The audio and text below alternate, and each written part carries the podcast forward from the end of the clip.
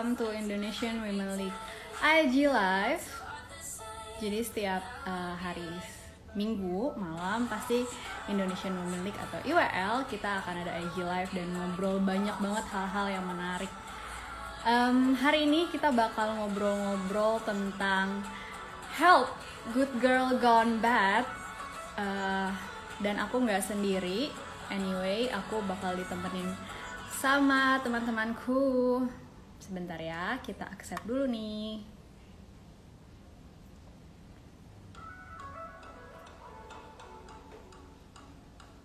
Oke.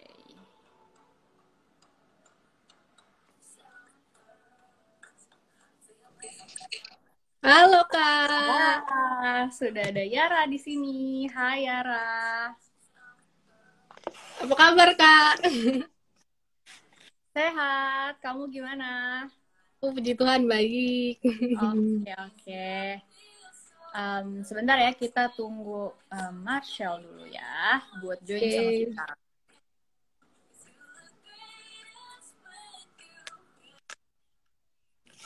Oke.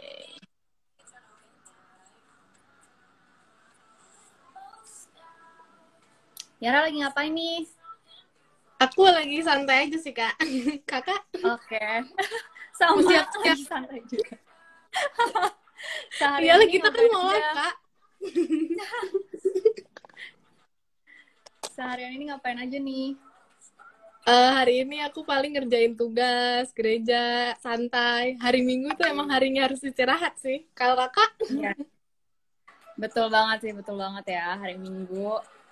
eh aku juga hari ini di rumah, bahkan kayak tadi siang menyempatkan untuk tidur siang.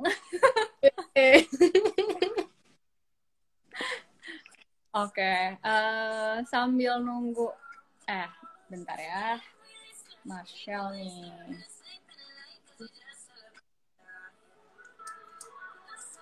Lagu aku ganggu nggak sih by the way? sih? lumayan sedikit sih Kak. Lumayan sedikit ganggu. Oke oke, sebentar ya, kita matikan dulu. Oke.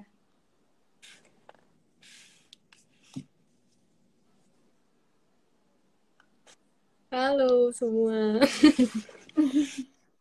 Hai semua, sudah mulai ramai nih kayaknya ya. Oke, mungkin sambil eh, nunggu Marshall, kita eh, buka dulu kali ya Yara ya. Boleh Kak. Oke, sambil kenalan dulu. Oke.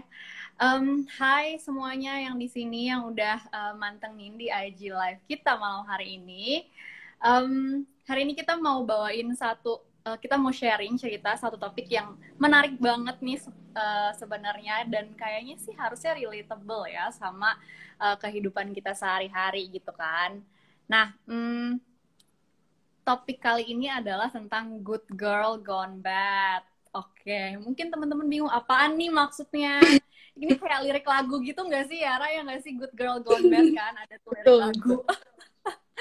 Iya, jadi eh, kita mau bahas bareng-bareng nih tentang eh, sebuah sindrom yang namanya tuh sindrom good girl. Nah, eh, sebelumnya sebelum kita bahas topik yang lebih lanjut, perkenalkan dulu eh, nama aku Esther. Aku adalah Head of Content and Knowledge di IWL. Dan hari ini aku ngobrol-ngobrolnya tentu saja tidak sendiri, tapi ditemani juga oleh Yara dan eh, Marshall. Eh, mungkin Yara boleh perkenalan dulu nih sambil kita nunggu Marshall. Oke, halo malam teman-teman semua. Kenalin aku Yara. Eh, aku juga aku content creatornya di IWL, di TikTok dan IG. Jadi bisa follow TikToknya IWL nih. Iya, Ini artis TikTok eh, kita Wih. guys ya. Terus juga saat ini masih jadi mahasiswi semester 6. Gitu. Oke, Eh, kuliahnya jurusan apa nih Yara? Aku manajemen Kak di Unpad. Manajemen. Oke, di Unpad ya, di Jatinangor. Betul. Oke. Lanjut di sini teman-teman di layar kalian juga sudah ada Marshall. Marshall mungkin boleh uh, introduce yourself a bit. Hai semuanya, nama aku Marshall. Aku kuliah di Unpar jurusan HI dan sekarang lagi semester 4 di IWL. Aku di sini intern sebagai um, staff dari educator team. Halo. Oke, okay. okay, thank you uh, Yara dan Marshall. Jadi ini aku ditemani malam hari ini sama teman-teman dari Jawa Barat ya, dari Bandung semua nih ya. kampusnya kampus Jatinangor dan kampus Unpar. Oke oke. Okay, okay. uh, sebelumnya sinyal aku oke okay nggak ya? Oke okay, kak. Oke kak. Oh, oke, okay. sip sip. Oke kalau gitu teman-teman kita bakal bahas nih good girl syndrome. Mungkin sebelum kita bahas kayak uh, gimana cara nanganinnya, terus kayak ciri-cirinya tuh apa aja sih? Kita bahasnya ke yang paling basicnya dulu kali ya. Emang apa sih good girl syndrome gitu kan? apa itu dan uh, gimana nih kira-kira menurut uh, Yara atau Marshall apa sih good girl good girl syndrome? Ya, siapa, siapa dulu? dulu nih yang mau mulai? uh, terserah, terserah. Silahkan Boleh Yara. deh Yara, Yara. Oke deh aku ya. Kalau ditanya apa sih good girl syndrome itu kayaknya namanya waduh apa nih? Emang kayak berasa orang paling suci apa ya good girl gitu kan. Sebenarnya itu cuma istilah sih. Menurut aku tuh mirip-mirip sama kayak people pleaser atau yes man. Yang yang mana uh, kalau misalnya dimintain bantuan apa pun sama orang itu tuh pasti iya iya aja gitu. Terus uh, cenderung nggak enakan sama orang, terus ngehindarin konflik, terus uh, biasanya sering minta maaf terus sih itu sih yang paling uh, aku lihat gitu ya. Nggak salah juga minta maaf gitu kali ya. betul betul. Uh, aku setuju sih sama uh,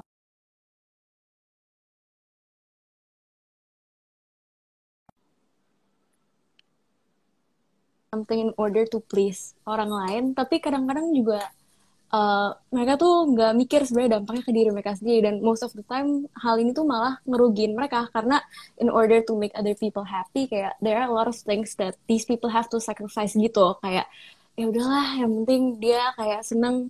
Ya udahlah nanti ujungnya kayak makan hati sendiri capek sendiri gitu sih.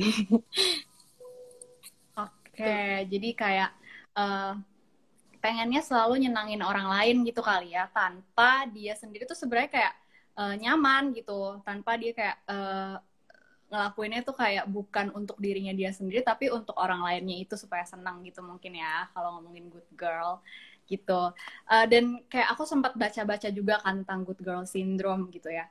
Mungkin sebenarnya ini tuh bisa goes way back waktu kita dibesarin sama keluarga kita gitu di lingkungan keluarga kita. Kayak ada tuntutan-tuntutan atau ekspektasi-ekspektasi tertentu gitu ya. Kalau perempuan tuh eh, nggak uh, boleh gini-gini, perempuan tuh harus jaga manner, perempuan harus sekian sekian sekian gitu ya. Kayak to do listnya banyak banget ya untuk jadi perempuan baik gitu ya. Mungkin ternyata goes way back ke sana gitu, makanya ada good girl syndrome ini dan ciri-cirinya paling uh, bener sih tadi yang kayak disampaikan Yara sama uh, Marshall gitu ya uh, ya itu tadi kayak pengen nyenangin orang aja gitu.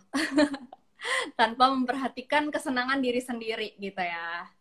Oke. Nah kalau uh, kalian sendiri nih dari yang kalian uh, tahu dan mungkin kalian sendiri pernah ngalamin sebenarnya good girl syndrome tuh apa aja sih ciri-cirinya yang relate sama kehidupan kita sehari-hari gitu?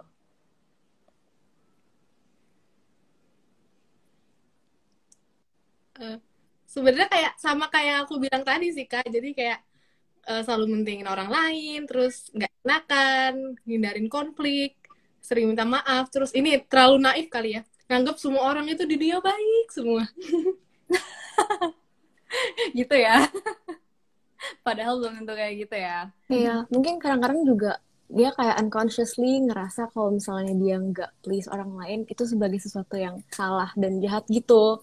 Jadi karena dia good girl dia kayak oh kayak gue gak boleh kayak gini nih takutnya hmm. nanti orang-orang nggak suka lagi sama gue gitu gitu kan padahal sebenarnya uh, nggak kayak gitu sih jadi mungkin dia ngelihat dunia terlalu uh, naif aja gitu kurang kurang luas pandangannya gitu.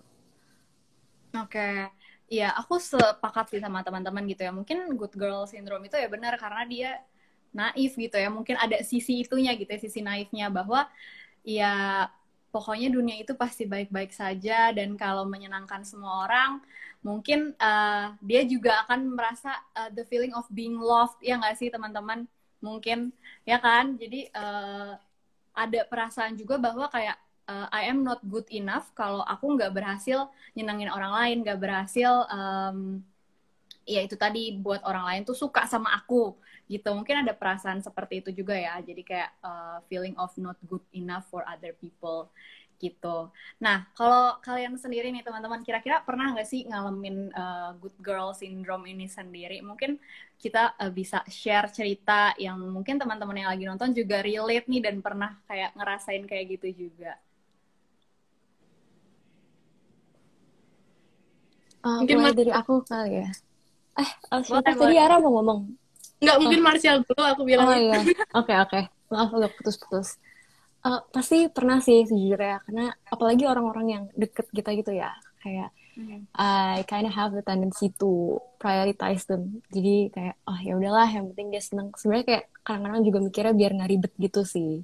Yeah. udahlah biar simple aja turutin aja. Jadi kayak tanpa mikir panjang ternyata lama-lama ujungnya toxic gitu kayak uh, yang penting orang lain happy tapi kok gue jadinya kayak nggak happy gitu. Kayak singkatnya sih seperti itu ya. Cuman uh, makin ke sini makin kayak um, baca-baca kayak tentang uh, eh, self development gitu. Dan ya itu penting juga buat kita kayak mikirin apa sih sebenarnya yang kita inginkan dan apa yang kita butuhkan. Dan sometimes kalau memang uh, hal itu nggak sesuai dengan kita it's okay for us to say no gitu.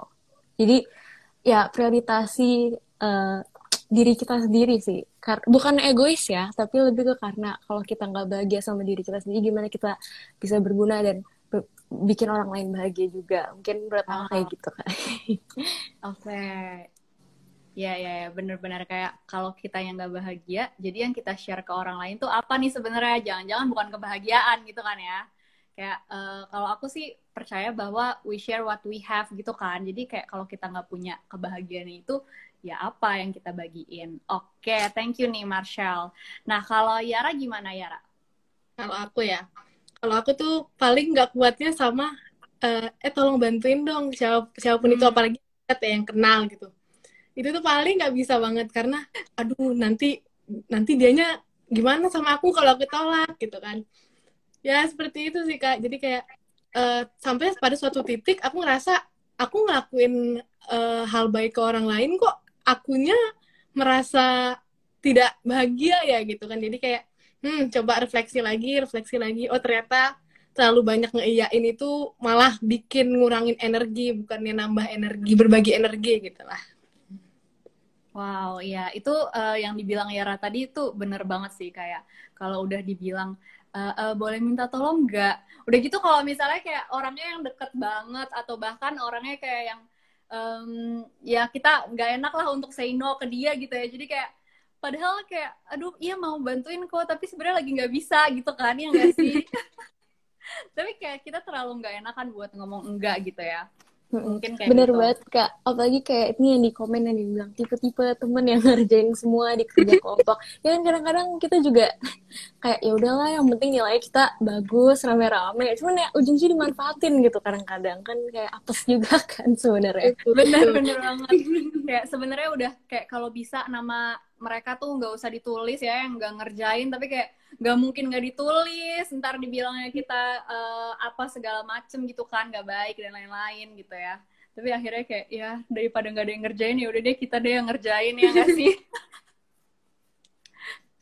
benar-benar mungkin kayak hmm, slogannya ini ya kalau uh, kalau misalnya aku masih bisa oke okay, aku akan lakukan gitu ya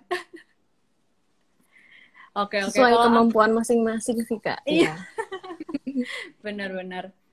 Nah, kalau aku pribadi juga pernah sih experience yang kayak good girl syndrome karena aku sebenarnya orangnya paling uh, susah eh paling gampang buat gak enakan sama orang. Jadi kayak uh, misalnya as simple as aku tahu nih teman aku salah atau teman aku kenapa gitu, tapi aku nggak berani buat nyampein opini aku gitu. Karena aku takutnya kayak ya lah uh, emang lu siapa? Kenapa lu uh, apa namanya so-so nasehatin gue? Gitu kan. Emang lu udah ngalamin emang lu ada di posisi gue? Gitu gitulah pokoknya. Kayak padahal ya it's good gitu ya untuk kita kasih nasihat sama teman kita sendiri gitu. Bahkan teman yang baik harus menerima nasihat dari temannya gitu kan. Tapi kayak karena terlalu gak enakan itu kayak ah ya udahlah ya udahlah gitu loh kayak ya udah biarin aja gitu. Jadi nggak berani buat uh, show my value gitu ya nunjukin nilai-nilai yang aku pegang nunjukin juga kayak stance aku di mana sih terhadap uh, beberapa hal gitu ya. Karena takut uh, aduh ntar nggak sesuai sama standar atau kriteria orang lain. Ya nggak sih kalian pernah nggak sih ngalamin kayak gitu? Benar-benar bener. Sih kak. Dan aku kayak uh, have this friend dan dia kayak suka cerita gitu ya. Intinya kita sama-sama paham bahwa orang-orang tuh takut buat jadi berbeda dengan orang lain solely because mereka takut dijudge aja sih. Karena kayak apa yang kita mm-hmm. percaya itu benar sama apa yang mereka percaya itu benar tuh uh, belum tentu sama. Dan takutnya malah dikira kayak ah kok lu kayak gini sih? Lu aneh banget dah. Kayak lu nggak bener nih gini. Orang-orang jadi takut gitu kan dijudge kan Iya, yeah, be yeah, different. Iya benar ya, aku baru mau ngomong be different ya. Don't be afraid to be different. Oke, okay, oke. Okay. Um, terus um, kira-kira uh, kalian ada pengalaman spesifik nggak sih kayak pernah berada dalam posisi ini? And then apa sih yang kalian lakukan buat nggak terlena dalam good girl syndrome ini nih? Uh, mungkin aku dulu ya kak. Mungkin pernah. Uh, pas ini lagi kepanitiaan di kampus. Uh, biasanya tuh semester semester dua tiga dua tiga tuh kan lagi semangat semangatnya buat mencari pengalaman di kampus banyak banyak kan. Semuanya pengen diikutin ya Yara ya. kan aku udah milih nih, aku mau ya ini ini ini aja. Tiba-tiba dua orang teman aku meminta buat eh bantuin dong gitu kan. Aduh nggak enak itu bener-bener dilema banget. Aduh nggak enak gimana ya gitu. Terus akhirnya pada akhirnya aku bantuin uh, aku bantuin tapi akunya jadi kewalahan sendiri bahkan waktu hmm. itu uh, kan kuliah kan selesai sore nih kak terus uh, dari sore sampai malam gitu jam sembilanan aku ngadirin tiga rapat tapi tiga tiganya tuh setengah setengah wow. jadi nggak maksimal gitu jadi malah nggak fokus ya malah nggak fokus gitu terus jadi teng gitu Oke okay, oke. Okay. Terus kalau um, lagi uh, uh, lagi ngalamin kayak gitu ya, maksudnya kayak gimana sih caranya akhirnya kamu kayak eh, nggak uh, selamanya kayak kan ini kan pengalaman waktu semester semester kemarin kan kayak akhirnya kamu sadar tadi kamu bilang kan kayak teng gitu ya. Nah terus kamu gimana sih let go of that gitu atau keluar dari uh, the good girl syndrome ini? Hmm, Yara baik banget loh tuh kata Aida. Aduh jangan gitu dong kak Aida. Uh, sebenarnya uh, aku mulai dari aware dulu sih kak. Jadi kayak uh, kebetulan aku tuh tipe personality-nya itu uh, buat MBTI-nya itu INFJ, terus juga kalau enneagramnya itu enneagram tuh the helper. Jadi aku sadar hmm. itu tuh udah bagian dari aku, udah mendarah daging, udah nggak bisa diganggu gugat lah istilahnya kan. Jadi kalaupun menghilangkan itu kayak susah banget. Terus juga menurut aku tuh kalau misalnya orang-orang ngerasain kayak gini juga tuh mungkin karena kultur orang Indonesia nggak sih kak Marcel? Karena kultur orang Indonesia tuh kultur nggak enak kan. Aduh nggak enak, aduh nggak enak. Gitu kan. itu semangat, semangat. Nah, uh, jadi aku sering sering menghadapi eh, kejadian-kejadian kayak gitu. Aku jadi ngerefleksi ini apa sih sebenarnya. Nah, aku punya beberapa tips nih, ya, tips and trick yang yeah, aku temukan dan juga buat teman-teman tips and trick ya. Langsung ya. Yang pertama itu tahu dan aware sama limit diri sendiri. Uh, kayak HP aja ada limitnya kan buat dipakai dan kalau udah 0% udah nggak bisa dipakai. Nah, apalagi kita manusia yang lebih kompleks ya daripada HP. HP kan bikinan kita teknologi kan. Nah, yang kedua itu cintai konflik in a good way. Jadi yang tadi aku bilang kan ciri-ciri good girl syndrome ini biasanya selalu menghindari konflik. Padahal nggak semua konflik itu destruktif, banyak juga konflik konstruktif yang membangun gitu ya. Jadi yes. mindset kita nih harus berubah nih kayak nggak apa-apa ngomong aja dulu, eh, nggak uh, apa-apa berani aja dulu gitu kan. Terus yang ketiga itu uh, menurut aku tuh menolak bukan berarti nggak membantu. Kadang-kadang ya, apa yang aku lihat selama ini nih, kayaknya kita nolak uh, ban, uh, permintaan orang lain itu bukan karena kita nggak sanggup. Karena aku yakin pasti Tuhan sanggup kan ya kalau misalnya Tuhan punya rencana gitu ya. Ya jadi kadang-kadang tuh timingnya aja sebenarnya nggak pas jadi gitu. Jadi kita nih uh, kalau aku yang aku pelajarin tuh mungkin kita bisa nolak dengan ngasih option lain ngasih bantuan lain kayak eh bantuin misalnya nih ya lagi ngerjain tugas deadline. Ngerjain tugas deadline tiba-tiba eh temenin dong uh, beli uh, kado buat nyokap gitu kan. Aduh lagi deadline nih nggak bisa gitu kan. Uh, mungkin bisa kasih option lain dengan uh, yaudah deh nanti coba lu fotoin lu kirim ke gue nanti gue bantuin deh pilih yang mana aja dari pilihan lu gitu kan. Bisa option lain nggak harus kita meluncur Datang juga, juga gitu ya. Hmm, gitu. Kurang lebih itu sih kak. Tiga hal itu yang lagi aku terapkan. Masih berproses ya, Yara ya, Betul. pastinya. Oke oke, tuh great analogy ya. HP aja bisa lobet kita charge sama diri sendiri harus bisa juga. Bener-bener aku sepakat banget sih. Kayak kita harus tahu juga kemampuan kita tuh sejauh apa sebenarnya untuk membantu orang lain. Dan yang ketiga yang tadi Yara bilang menurutku paling penting sih, kita nggak eh, nggak hadir buat dia secara fisik ataupun kayak nggak nolongin dia bukan kita nggak bukan berarti kita nggak membantu dia gitu ya tapi ya dengan cara yang lain atau kayak kita kasih uh, suggestion yang lain gitu sama dia itu juga kita udah membantu gitu kan. Oke, nah kalau Marshall gimana nih Marshall? Kira-kira kamu punya tips and trick juga nggak nih? Uh, kalau tips and tricks, uh, mungkin pertama-tama yang aku terapin ya. Dulu tuh sebenarnya aku di posisi yang kayak uh, persis gitu sama Yara. Apalagi pas maba kan, kayak pengen explore banyak banget, ditawarin ini itu. And I found it hard to say no. Karena kayak, oh Hmm. bener banget nih, kapan lagi dapat opportunity kayak gini kan. Kayak gak mungkin uh, dapat lagi, belum tentu dapat lagi gitu kan. Karena dapat kayak, why not? ya. Iya, jadi kayak lumayan oportunis gitu orangnya dan eh, waktu itu yang nawarin juga kebetulan teman-teman deket, jadi kayak ya pengen ngebantu dan kayak agak gak enak juga kan kalau nolak.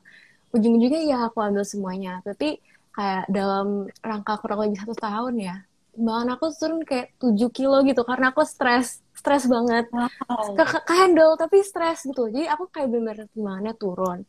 Tapi kayak along the way uh, masih bisa survive karena waktu itu ada support system juga. Jadi kayak I feel like the most important thing kalau misalnya lagi go through masalah kayak gini tuh have people that kayak got your back gitu sih.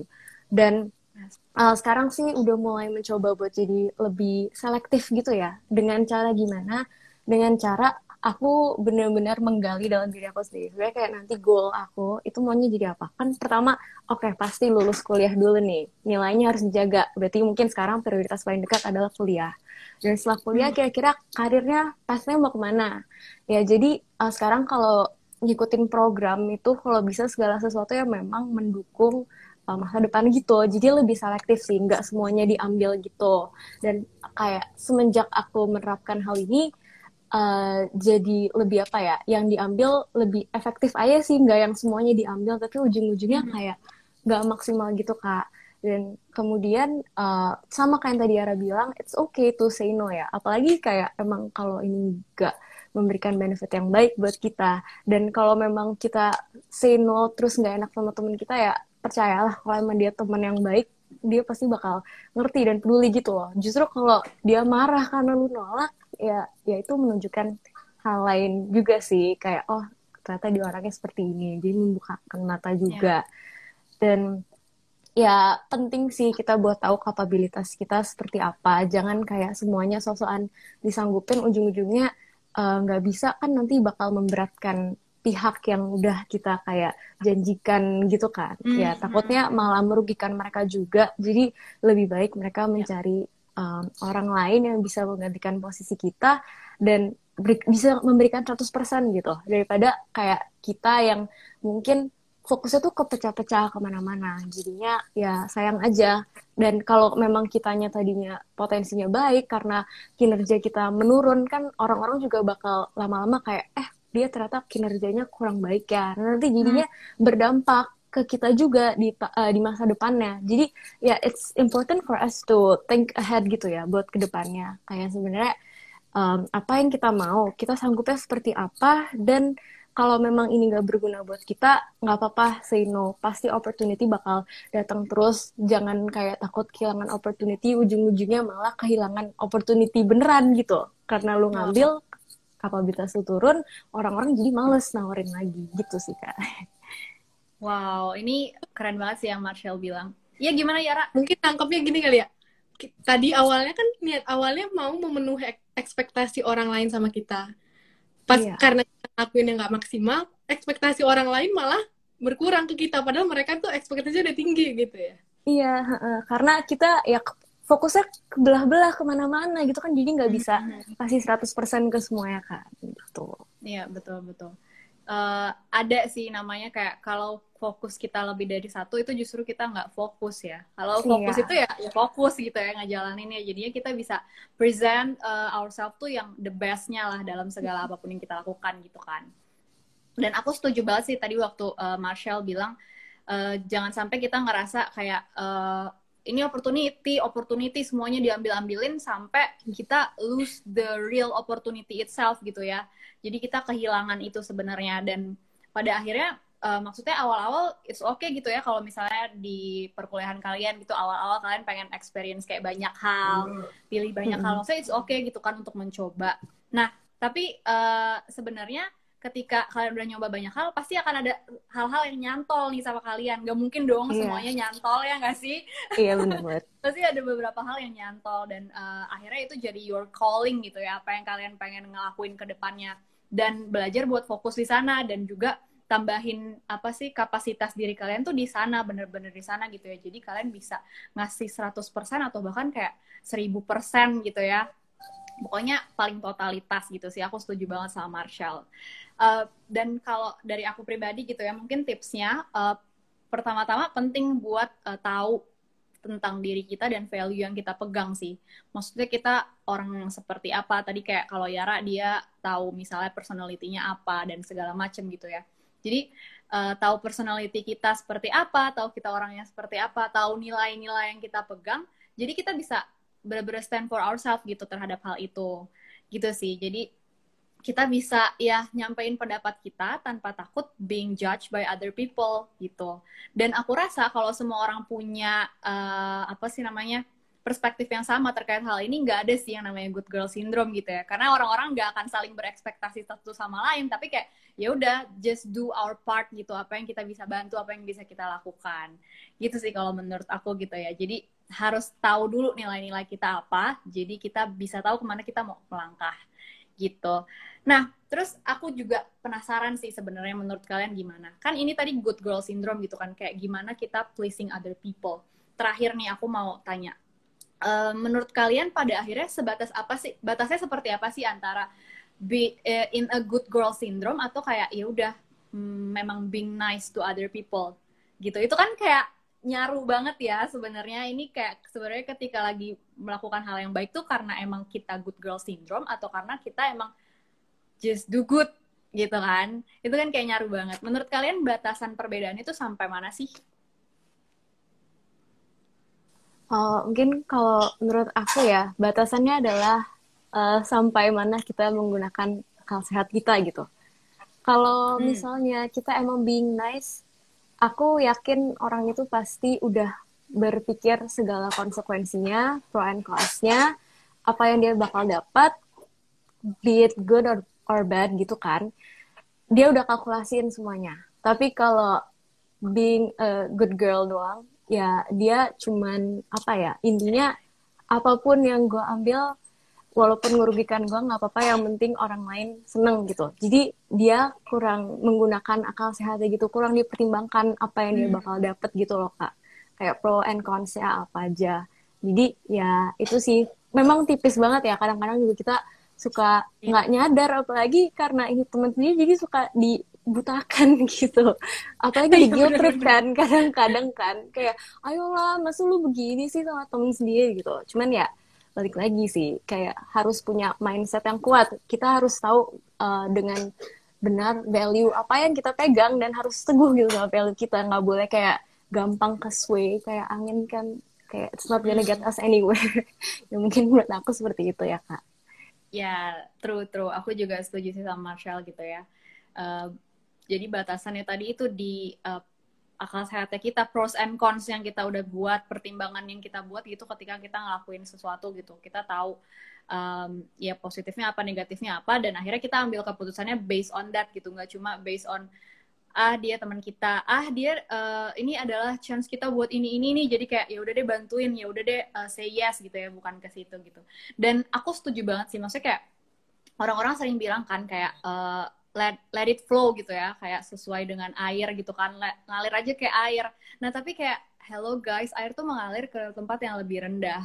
Jadi kalau kalian ngalir aja lama-lama kalian ke tempat yang lebih rendah loh, jangan-jangan gitu sih kalau dari aku. Oke, kalau Yara gimana nih Yara? Kalau dari aku, aku waktu itu pernah pernah nonton di YouTube-nya Great Mind. Uh, kalau mm -hmm. tentang people pleaser juga kebetulan. Uh, kalau ada beda antara nice sama kind. Kalau nice itu niatnya itu untuk disukai, kalau kind itu niatnya untuk melakukan hal yang benar. Jadi kita sebaiknya melakukan hal yang kind, yang benar, bukan untuk disukai. Nah, terus juga tadi aku nyampein tips kalau uh, kita membuat keputusan itu jangan terlalu banyak ngomong sama orang. Maksudnya orang-orang yang uh, terlalu ambil andil buat membantu kita dalam membuat keputusan gitu. Karena semakin banyak kita ngobrol sama orang, semakin kemakan opini orang, kita nggak tahu apa sih yang kita pengen sebenarnya gitu sih kak. Yes, yes, yes. Oke, jadi ada bedanya di situ ya sebenarnya ya. Jangan jangan terlalu naif gitu ya sebenarnya tapi harus uh, kita tahu kita sendiri tuh harus tahu dulu gitu ya tentang um, apa namanya pendapat kita seperti apa diri kita seperti apa gitu kali ya Yara ya betul betul oke okay, oke. Okay. um, terus kalau dari aku mungkin bedanya itu antara emang baik atau enggak tuh eh, atau being in a good girl syndrome itu adalah di intensinya tadi itu sih sebenarnya gitu ya yang mungkin bisa membedakan gitu ya. Ketika kita being good girl syndrome mungkin intensi kita ya nyenangin orang tanpa peduli kita seperti apa gitu. Kayak tanpa peduli kita bakal tersiksa kah misalnya atau gimana gitu ya. Tapi ketika uh, kita baik ya kita ngelakuinnya bukan karena intensi-intensi tersembunyi. Misalnya kayak buat supaya dipandang oke okay, dipandang baik dipandang wah dia keren ya bisa selalu ngebantuin. Bukan ke situ gitu ya bukan kayak uh, ingin memenuhi diri sendiri gitu dengan uh, validasi-validasi orang lain gitu mungkin ya. Tapi kayak ya udah ngelakuinnya just simply uh, mau ngelakuin hal yang baik gitu dan mau membantu tapi tahu juga limitnya sampai mana gitu sih yang penting gitu kan Nah, oke. Okay. Um, dan untuk merangkum semuanya, eh, kira-kira dari Yara dan juga Marshall, mungkin ada nggak sih yang kalian pengen sampaikan ke teman-teman yang lagi nonton, yang mungkin lagi terjebak di good girl syndrome ini dan lagi berusaha juga untuk keluar dari uh, sindrom ini? Ada yang kalian pengen sampaikan nggak? Hmm, kalau dari aku mungkin pertama-tama Eh, nggak uh, apa-apa take your time tapi uh, figure out tujuan kalian tuh sebenarnya mau ngapain gitu. Kalau udah tahu tujuan kan nanti uh, kalian bakal tahu keputusan apa yang harus diambil. Kalian bisa mempertimbangkan dengan baik juga dan kayak it's okay to say no berkali-kali kayak kita tekenin kayak it's okay to say no kalau memang hal itu uh, gak berdampak baik bagi kalian dan hanya kalian yang tahu diri kalian sendiri jadi kalau memang belum terlalu mengenal diri sendiri ya mungkin bisa coba digali lagi self awarenessnya karena kan yang tahu beban kalian, yang tahu kapabilitas kalian tuh hanya kalian. Jadi kalau misalnya kita mau konsultasi ke orang lain, mau nyenengin orang lain, ya mereka kan gak akan menanggung konsekuensinya seperti kayak kita gitu. Kita yang bakal ngalamin segala kegagalan, kekecewaan, mungkin kayak mental health atau pressure apa pun itu semua yang kita tanggung. Jadi uh, ya lebih selektif aja dan lebih hati-hati dalam uh, membuat keputusan apa pun sih dipikirin aja mungkin tujuan akhirnya seperti apa. Oke, okay. thank you Marshall. Tuh pesannya buat teman-teman semua harus dipikirin lagi ya tujuan yang kalian mau uh, capai itu sebenarnya apa gitu. Jadi kalian uh, bertindaknya nggak salah langkah. Oke, okay, kalau dari Yara kira-kira apa nih pesan-pesannya? Oke, kalau dari aku mungkin aku merangkum yang aku udah bilang tadi aja sih kak. Pertama, tahu dan aware sama your limit. Kedua, cintai konflik tapi in a positive way. Ketiga, uh, menolak itu bukan berarti membantu. Kita bisa ngasih saran alternatif lain.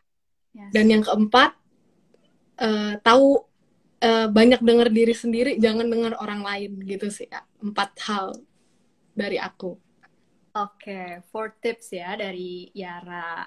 Nah, um, mungkin kalau dari aku itu tuh lebih ke sebenarnya nggak ada kayak cara mudah untuk uh, five easy ways to be a nice girl atau uh, berapa easy ways to uh, to let go of being a, in a girl syndrome gitu ya. Maksudnya nggak ada cara yang gampang gitu ya. Tapi semuanya itu sebenarnya proses gitu sih teman-teman. Maksudnya pasti kita kita bertiga yang sekarang ini juga ada monon di mana kayak tiba-tiba ngerasa nggak enakan lagi atau ngerasa sesuatu gitu ya. Tapi yang paling penting adalah ketika uh, kalian tuh udah mutusin kalau kalian nggak pengen uh, jadi good girl sebatas good girl aja gitu, bahwa kalian mau ngelakuin kebaikan ya karena intensinya adalah intensi yang benar gitu. Dan pasti berproses juga nih untuk belajar ngomong enggak untuk merasa nggak enakan semuanya tuh butuh proses. Dan nggak apa-apa jalin prosesnya gitu dan pastikan kalian punya support system juga gitu ya ketika kalian ngejalanin uh, proses kalian untuk nggak jadi good girl itu tadi gitu ya. Itu aja mungkin dari aku. Hmm, sorry banget teman-teman semuanya tadi kayak ada technical difficultiesnya jadi kayak mungkin sebagian awal bahkan kayak uh, banyak banget bagian dari live ini yang kepotong gitu tapi uh, hopefully dari uh, pesan-pesan yang terakhir disampaikan Marshall dan Yara kalian bisa nangkep nih sebenarnya bahwa good girl syndrome itu seperti apa dan gimana supaya kalian bisa pelan-pelan let go of the good girl syndrome.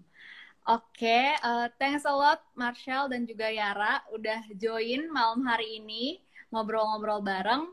Uh, kita ketemu lagi di IG Live selanjutnya kali ya.